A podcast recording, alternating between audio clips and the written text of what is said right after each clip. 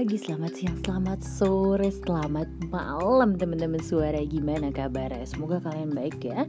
Karena hari ini aku akan mendoakan kalian terus untuk kebaikan kalian terus. Semoga kalian yang masih terjebak dalam kerumunan Semoga kembali ke dalam rumahnya Dan menuju rumah sampai kalian ketemu lagi sama keluarga dan teman-teman pokoknya aku doain kalian semua yang ada di jalan yang lagi di rumah yang lagi WFH yang lagi kerja yang lagi di luar kota di luar negeri dan sebagainya aku doain kalian semua sehat walafiat nggak terkena emang yang macem-macem. Secara saat ini lagi pandemi membuat kita menjadi worry minta ampun. Pokoknya aku akan doain kalian semua baik-baik di rumah dan pokoknya jaga kesehatan dan jaga mental tentu saja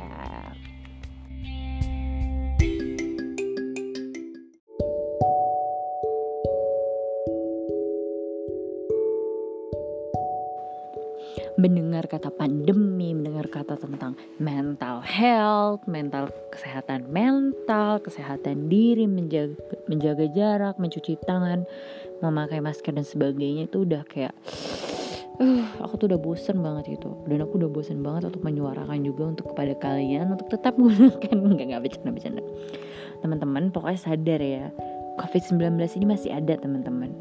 Kalian nggak boleh sama sekali merasa bodoh amat dengan COVID-19, oke? Okay? Karena aku akan berdampak sangat berat. Oke teman-teman, biar aku ulangin lagi untuk kalian tetap ingat bahwa COVID-19 ini masih ada di Indonesia. Apalagi di sekitaran kita. Kita nggak tahu teman-teman, musuh kita itu nggak terlihat. Jadi pokoknya tetap berhati-hati ya. Oke? Okay? Nah, mungkin aku akan langsung aja ya ngarahin ke pembahasan yang paling utama alasan aku untuk bikin episode ini. Nah hari ini tuh aku bakal ngeceritain sama kalian sih mengenai komunikasi yang terjadi di keluarga gue gitu.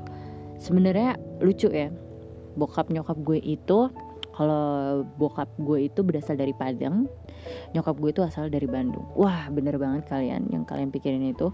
Bokap gue itu adalah seorang yang tegas yang seorang yang membara yang ngegas kalau ngomong gitu ya itu gue paling seneng banget kalau ngeliat uh, keluarga bokap gue tuh lagi ngobrol tuh pasti seru banget gitu ya. Ketawa-tawa dan mulai ngelawak dan sebagainya itu pokoknya seru banget. Tapi kalau keluarga nyokap gue itu kayak kalau mulai iya uh, iya begini gitu. Pokoknya ih lembut banget deh kurang. Gimana ya cara ngobrolnya juga cara berpikir dan beradu mulutnya juga ih lucu banget gitu mereka memiliki latar belakang yang berbeda, punya latar belakang yang ya bisa bilang sangat berbeda gitu ya. Memiliki kebiasaan dan ke tradisi yang berbeda, tapi kalau di dalam keluarga gue mereka berdua itu kalau udah ngobong emang berdua dua-duanya ngegas bukan main.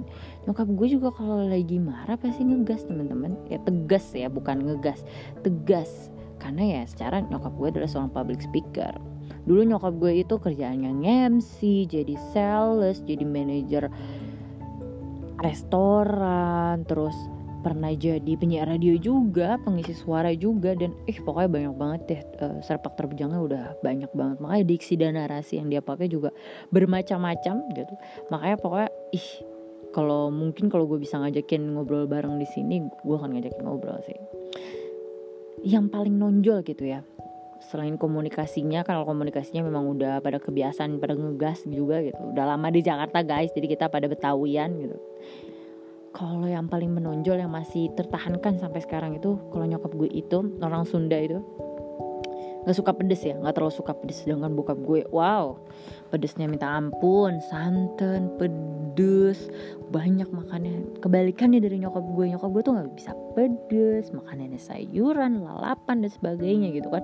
Ya pokoknya makanannya tuh yang lembut-lembut gitu. Itu bener banget. Nyokap gue tuh punya sakit uh, pernah apa namanya teman-teman itu usus buntu yang akhirnya tuh nyokap gue nggak bisa makan pedes sampai sekarang gitu. Jadi yang makan pedas cuma bokap gue. Jadi kalau ada sambal di rumah gue yang bisa makan cuma anak-anaknya doang sama bokap gue. Kalau nyokap gue nggak makan sambal sama sekali. Kalau makan pedas nih kalau masakannya pedas nyokap gue udah cuma makan timun doang. Ini serius teman-teman. Nyokap gue cuma makan timun mau wortel di jus habis itu.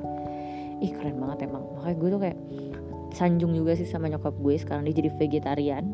Bisa dibilang jadi vegetarian yang akhirnya dia memilih untuk ya udah makan sayur sama makan buah aja gitu. Itu yang akhirnya yang terakhirnya tradisinya nggak bisa dicampur gitu. Nyokap gue akhirnya hanya merelai melera merelai merelai melerai hatinya gitu. Pokoknya seru abis sih kalau ngomongin nyokap. Gimana keluarga kalian? Kayak gitu juga nggak? Pokoknya cerita terus ya. Terus di komen kom di kolom komen gimana perasaan kalian dan gimana budaya keluarga kalian. Stay tune dan terus ngobrol sama gue di nyawa bersuara. Sampai kembali sampai jumpa sampai bertemu kembali teman-teman